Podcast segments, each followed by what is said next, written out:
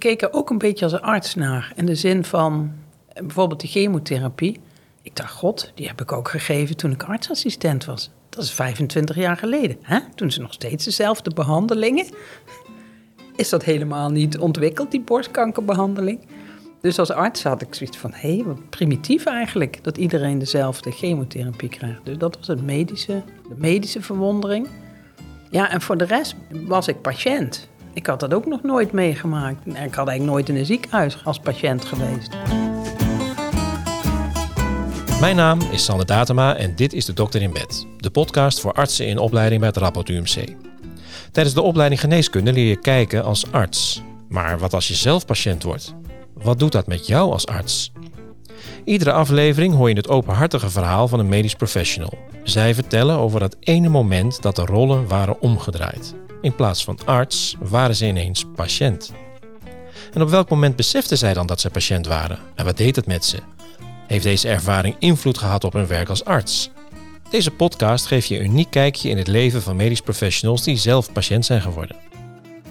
In deze aflevering van de Dokter in Bed ga ik in gesprek met Carolien Benraad. Zij is klinisch geriater in het Radboud UMC. Wie ben jij eigenlijk? Aha, wie ben ik? ik ben Carolien Benraad. Ik ben klinisch geriater hier in het Radboud ziekenhuis. Ik ben uh, getrouwd, ik heb twee kinderen, woon in Nijmegen. En um, ik heb voordat ik in het Radboud werkte heel lang in de GGZ gewerkt, in de ouderenpsychiatrie. Ik ben een enthousiaste tuinier, lees boeken. Ik ben heel actief iemand, altijd iets te doen. Um, ik ben ook nog gepromoveerd. En, en hoe ben jij in, deze, in dit vak gerold? Ja, um, bedoel je in de geriatrie? Ja. Nou, ik merkte toen ik kooschappen deed dat ik eigenlijk alle kooschappen leuk vond. En toen ontdekte ik dat er zoiets bestond als geriatrie. En geriatrie is een vak wat interne geneeskunde, psychiatrie en neurologie heel erg combineert. Dus toen dacht ik, nou, misschien is dat iets voor mij. Dus toen ben ik ergens een coachschap gaan doen. Toen dacht ik, ja, oh, die oudere mensen vind ik eigenlijk ook wel leuk. Ja? Nou, zo ben ik dat vak ingerold. En had je toen al een, al een soort van blik op de horizon waar je heen wilde... Uh, toen je eenmaal die keuze had gemaakt deze kant op te gaan? Um, nou, ik heb ook echt wel getwijfeld tussen psychiatrie uiteindelijk en geriatrie. Dus ik had ook uh, assistentschap psychiatrie gedaan. En toen kon ik op de een of andere manier hier in het Radboud... toen werd de afdeling geriatrie opgezet... kon ik daar als Anjos aan de slag, als allereerste Anjos. Die afdeling die was in oprichting. En toen ik dat een jaar had gedaan, toen dacht ik... ja, dit, ik vind die combinatie wel leuk. Ik vind ook leuk het somatische. Dus daarom ben ik uiteindelijk die kant op gegaan. En toen ben ik begonnen aan de interne geneeskunde hier in het Radboud. Ook, ze wisten toen van, god, ze wil geriatrie doen, maar er is nu geen plek. Dus laten we er maar gewoon voor interne geneeskunde opleiden. En zo ben ik er eigenlijk ingerold. En op een gegeven moment tussendoor kwam er een plek geriatrie ergens vrij. Ja, want al die tijd dat je bij interne geneeskunde zat, wist iedereen, inclusief jezelf, van ja, maar eigenlijk... Ja, ja, en dat is ook wel grappig, want dan zeggen bijvoorbeeld de internisten als iets niet zo goed gaat, nou ja, het is niet zo erg, want je wil ook geriater worden. ja, zo ging dat. Dus dat, dat, zegt wel iets over hoe ze tegen dat vak ja. uh, aankeken. Ik denk dat dat nu wel veranderd is, overigens, ja. Ja, op wat voor manier? Het vak wordt veel serieuzer genomen, wordt uh, heel erg gewaardeerd, is ook heel erg gegroeid in de loop van de jaren. En toen, nou ja, je, je bent het vak ingerold, je bent je, uh, uiteindelijk ook hier gaan werken en, en op een gegeven moment dus ziek geworden. Ja, vier jaar geleden ben ik eigenlijk plotseling ziek geworden. Dat wil zeggen, ik vond dat ik helemaal niet ziek was. Ik was ook niet ziek. Ik ben uit de borstkankerscreening gehaald. En um, ja, er was iets te zien op die foto. Um, nou, en dan kom je in een soort, ja, ik noemde het een achtbaan. Want ja, ik werd gebeld door de huisarts. Ik had eerst niet eens in de gaten dat hij over mij belde. Ik dacht dat het over een patiënt ging. Ja, en dan krijg je zo'n bericht van, ja, er is iets gezien, maar ja, het kan altijd nog meevallen. Oké. Okay. En, dan, ja, en dan begint het. Want na een paar dagen start je met een, uh, een dag waarin er onderzoeken plaatsvinden. En eind van de dag wist ik, oh, ik heb borstkanker. En dat markeert ook echt wel start van het, ja, het patiënt zijn. Ja. En En, dat, je, ja, en, je, en je zegt, ik, aan het einde van de dag wist ik, ik heb borstkanker.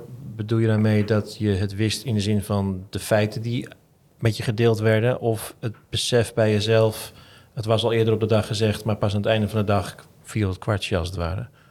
nee, het was meer de feiten. Eh, want het is, de borstkankerzorg is heel goed georganiseerd. In die zin, eh, de huisarts belt. Na drie dagen kun je al terecht voor de diagnostiek. En dan, s ochtends heb je een eerste gesprek waarin iemand uitlegt wat er gaat gebeuren. Nou, dan volgen een aantal onderzoeken. En eind van de dag weet je dan of je wel of niet borstkanker hebt. Dus eigenlijk eind van de dag heb je pas de feiten. Ja. En overdag weet je het niet. Maar het wordt wel steeds enger. Want het begon met eh, bijvoorbeeld de, de, bij de radiologie, echo, dat die radioloog zegt, nou het ziet er wel echt verdacht uit. We moeten wel een punctie doen. Ja, dat, op dat moment is het al, oké, het zal waarschijnlijk niet goed zijn. Het was op 18 december kreeg ik de diagnose en dat was dus vlak voor kerstmis. Ehm, dat is ook al heel raar. Op 24 december had ik het gesprek met de chirurg over het behandelplan.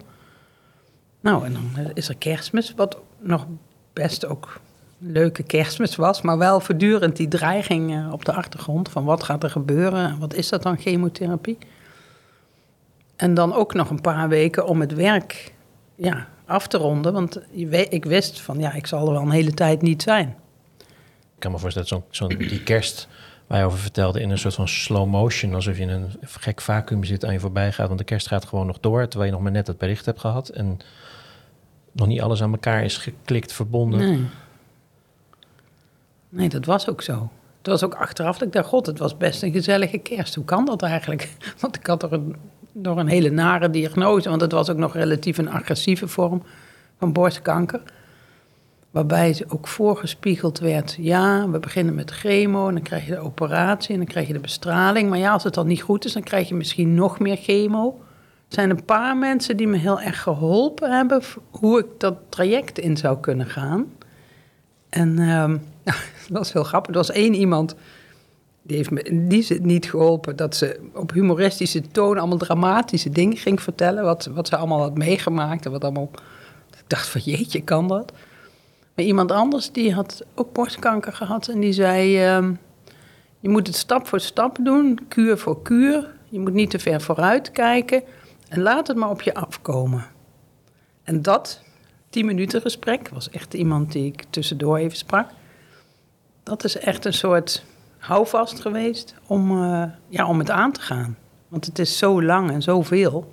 Ja, bijna een mindful manier van die behandeling doorkomen. Het, het, het is er, laat het maar komen dan. Ja, laat het maar op je afkomen. Ja, en lukte dat? Ja, eigenlijk heel wonderbaarlijk goed. Ehm, eh, want ja, bijvoorbeeld die eerste kuur, je gaat dan naar zo'n eh, naar de, naar de oncologie, de dagbehandeling toe. Maar goed, dan kom je daar en de eerste keer lig je op een eh, één of twee persoonskamer, omdat het dan de eerste keer is. Daarna lig je met meer mensen op een kamer.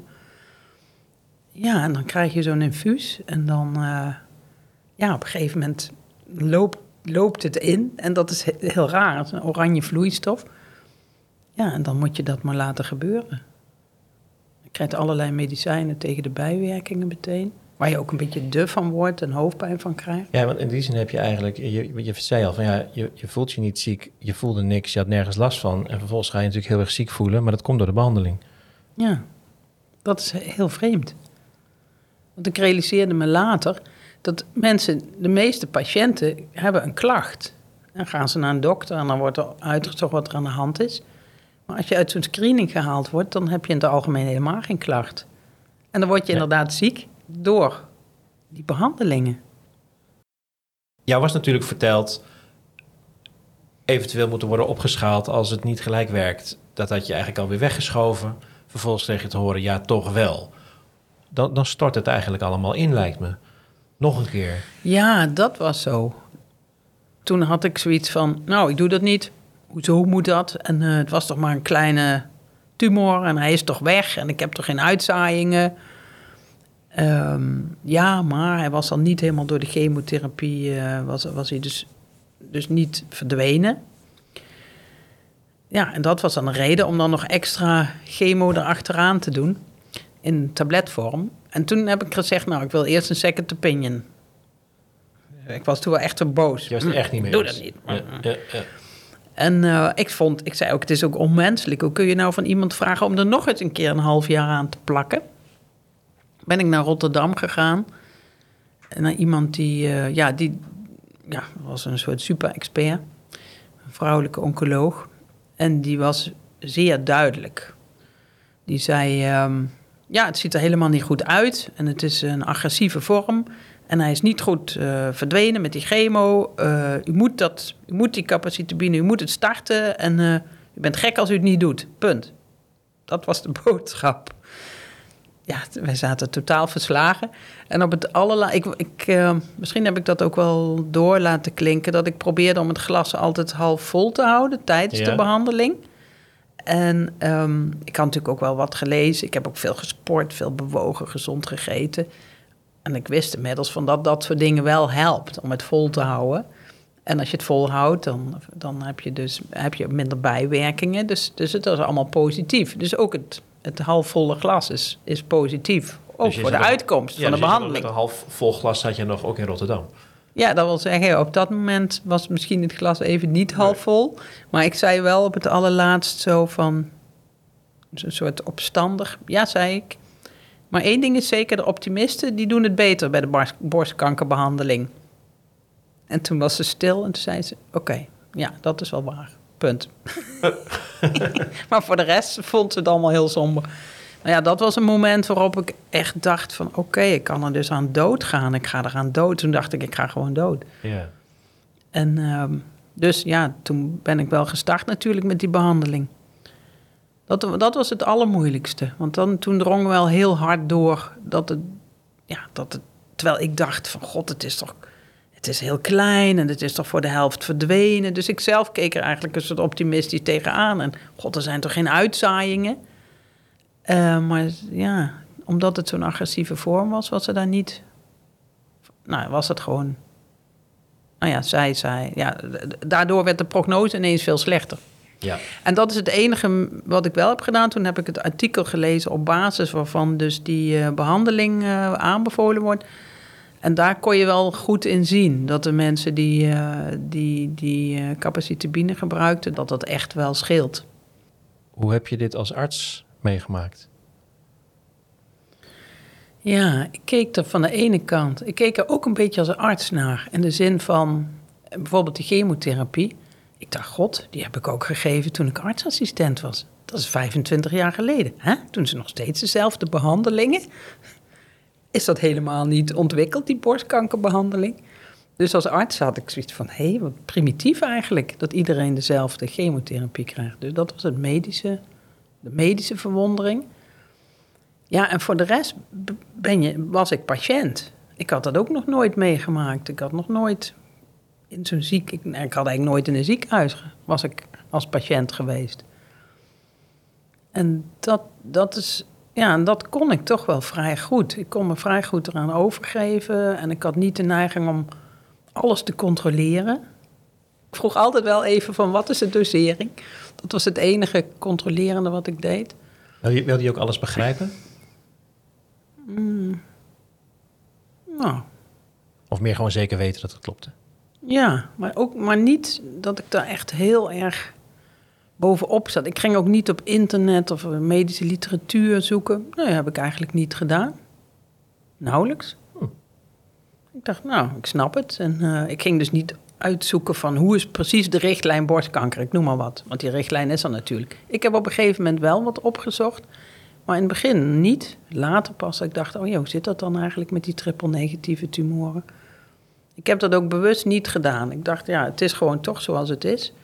Ik moet ervan uitgaan dat hier mensen zitten die verstand van zaken hebben. Er is ook wel meteen eh, heel veel aandacht over, eh, over voor wie je bent. Wie ben je, wat doe je? Ehm, ik vond het, ehm, dat, dat, dat, dat borstkanker, dat is zo goed geregeld. Maar er is ook heel veel tijd voor de psychosociale aspecten. Hoe is je gezin en eh, hoe is het met je kinderen? Eh, hoe doe je dat met je werk? Dat vond ik. En dat was ook alle tijd. Ehm, ja, alle tijd. En dat was altijd zo. Je had altijd minstens een half uur een gesprek met de verpleegkundig specialist of met de oncoloog. En nou, dat liep ook wel eens uit. Maar dat, het was genoeg. Er was altijd genoeg tijd. Dus het was een heel... Ik, ik vind het een wonderbaarlijk mooi traject. Ja, ja. Zeer professioneel. Ben je daar in zekere zin dan ook eigenlijk anders benaderd omdat je arts bent? Want ze lopen ja, niet dat denk ik, ja, dat denk ik wel. Dat denk ik, ja, zeker wel. Iedereen wist het. Ik denk dat iedereen zich daar echt wel bewust van was. Dat ik arts... Ja, bewust was. van zijn, maar er is ook misschien anders mee, daardoor ook anders met jou omgingen. Nou, qua bijvoorbeeld die informatie, dat artikel zeker wel.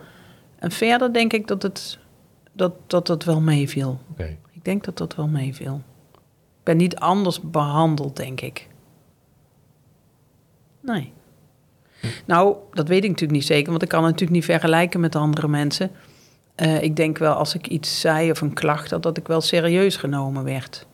Ik kon dan ook wel de vragen stellen van... eh, eh, wat voor kweek doen jullie? Of virussen werden, alle virussen werden gekweekt. Ja, dan ben je wel dokter en dan krijg je misschien ook meer als dokter duidelijke antwoorden. Ja. Dat, dat Toch denk wel? ik wel. Ja. Ja. dat denk ik toch wel, ja. Kijk, ik heb bijvoorbeeld ook gevraagd of ik de patholoog-anatoom... of die mij mijn preparaat kon laten zien. Oh, nou, die vraag had ze eigenlijk nog nooit gehad. En de patholoog-anatoom vond het echt heel leuk. Het was wel voor mij goed, omdat ik toen zag hoe het eruit zag... en dat het niet verdwenen was. En ik zag ook bloedvaatje en daar zaten een paar kankercellen. Ik denk- dacht, oh, wacht even. Nee, dat is niet goed. Eh, dus dat maakt het ook makkelijker om Echt die behandeling... te- observatie. Ja. ja. En dat is natuurlijk wel echt van een dokter die denkt van... eh, ik Evidence-based. wil het eigenlijk wel zien. Zeg je nou dat je daar eigenlijk ook naar keek vanuit een soort van beroepsinteresse? Zo, Ja. hoe, hoe doen ze dat hier dan? Ja, ja. En, en zijn je ook dingen opgevallen die je misschien wel hebt meegenomen weer naar je eigen werk? Of heeft het überhaupt jezelf veranderd qua hoe je naar je vak kijkt, hoe je het uitoefent? Nou, ik denk altijd een, een mensendokter geweest. En dat is dus niet veranderd. Ik ben eerder bevestigd in de manier waarop ik patiëntenzorg doe, dan dat ik het veranderd heb. Ehm, ik heb wel meer besef, denk ik, gekregen van wat betekent het voor, die, voor deze patiënt. Ehm, kan ik daarin helpen? Of dat wel. Maar ik denk in wezen was ik al zo'n dokter. Want ja, precies, want hoe, hoe is dat dan veranderd? Omdat je, je zegt al, je bent al best wel een mensendokter. Waarin Ja. is dat dan nog meer geworden? Nou, bijvoorbeeld, wij zien heel veel mensen met dementie.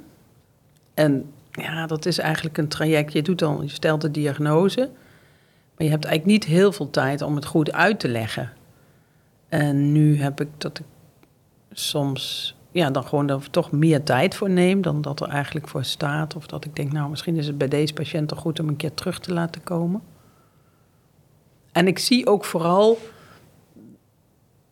dat het eigenlijk niet goed is dat je zo weinig tijd hebt om mensen goed uitleg te geven. Ik vind dat het is een vreselijke diagnose, dementie. Mhm. Nou, misschien nog wel erger dan borstkanker. Bij mij is het van spreken, want borstkanker kun je in principe iets aan doen. Ehm, en dan nemen we toch eigenlijk zo weinig tijd om het goed uit te leggen. Eh, om te zeggen, goh, komt u nog een keer terug? Dan zal ik het nog eens een keer uitleggen. Eigenlijk, dat merk ik nu, dat ik denk, ja, dat vind ik gewoon niet goed Had eigenlijk. je dat dan daarvoor nog niet op dat niveau door? Ehm, de zorg zet zich heel erg in op doelmatigheid. Ja, het moet snel, het moet efficiënt. Ehm, maar daardoor nemen we, denk ik, te weinig tijd voor dat psychosociale betekenis van de ziekte.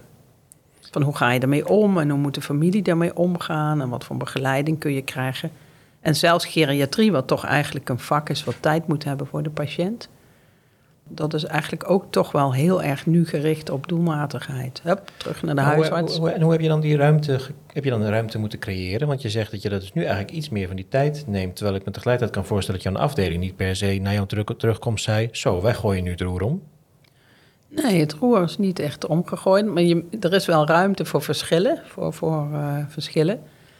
Ehm, ehm, wat ik bijvoorbeeld doe, is ik heb een ik heb polymiddag en ik plan voor mijn patiënten drie kwartier. En als het dan snel gaat, nou, dan heb ik een kwartier voor de administratie. Maar soms loopt het wat uit en dan heb ik dus geen probleem. Want de volgende patiënt hoeft dan niet te wachten. Dus dat is hoe ik het nu organiseer. Zou, zou aan de hand van wat jij nu vertelt... een andere arts ook nu met een pak argumenten zeg maar, naar de afdeling kunnen gaan... en zeggen, ja, maar ik wil dit ook. Ja, dat is een lastige. Want ik denk, kijk, het is wel zo dat geriaters altijd relatief wel tijd steken in de psychosociale aspecten. Veel meer dan gemiddelde andere specialisten. Dus het is ook een soort glijdende schaal waarbij ik denk ik relatief er nog wat meer aandacht voor heb. En de ander misschien iets minder, maar wel veel meer dan noem maar wat, een cardioloog of chirurg. Mhm. En, en nu? En nu, eh, ja, ik wilde niet in de eh, ziektewet terecht, of hoe noem je het, in de arbeidsongeschiktheid terechtkomen. Ja, als je te lang ziek bent. Ja, Ja. dus binnen twee jaar moet je dan eigenlijk jezelf eh, beter melden. Dus opbouwen, maar ook echt helemaal weer beter zijn. En dus dat deed ik. En achteraf denk ik, ik was eigenlijk nog helemaal niet beter. Ik wilde het per se, maar eigenlijk was ik gewoon niet zo ver. Mhm. Want in de, in de maanden en, en jaren nu, als ik terugkijk, denk ik, oh, ik ben nog steeds aan het opknappen. Dat, dat opknappen duurt gewoon heel erg lang. Dat had ik dus nooit bedacht, dat dat zo lang duurt. Voordat je echt de oude bent. Viel, viel het dan tegen als je het hebt over je glas half vol, half leeg? Of is het gewoon heel realistisch? Ik denk dat het realistisch is. En ik heb dus wel geleerd, want als je zegt wat is er veranderd. Kijk, mijn coping was dus een hele actieve. Hup, aan de gang en eh, glas half vol. Eh, maar daar, daar paste ook in. En ik ga weer aan het werk. En ik denk dat dat achteraf. Ik heb nu heb ik zoiets van mens in godsnaam. Doe toch eens rustig.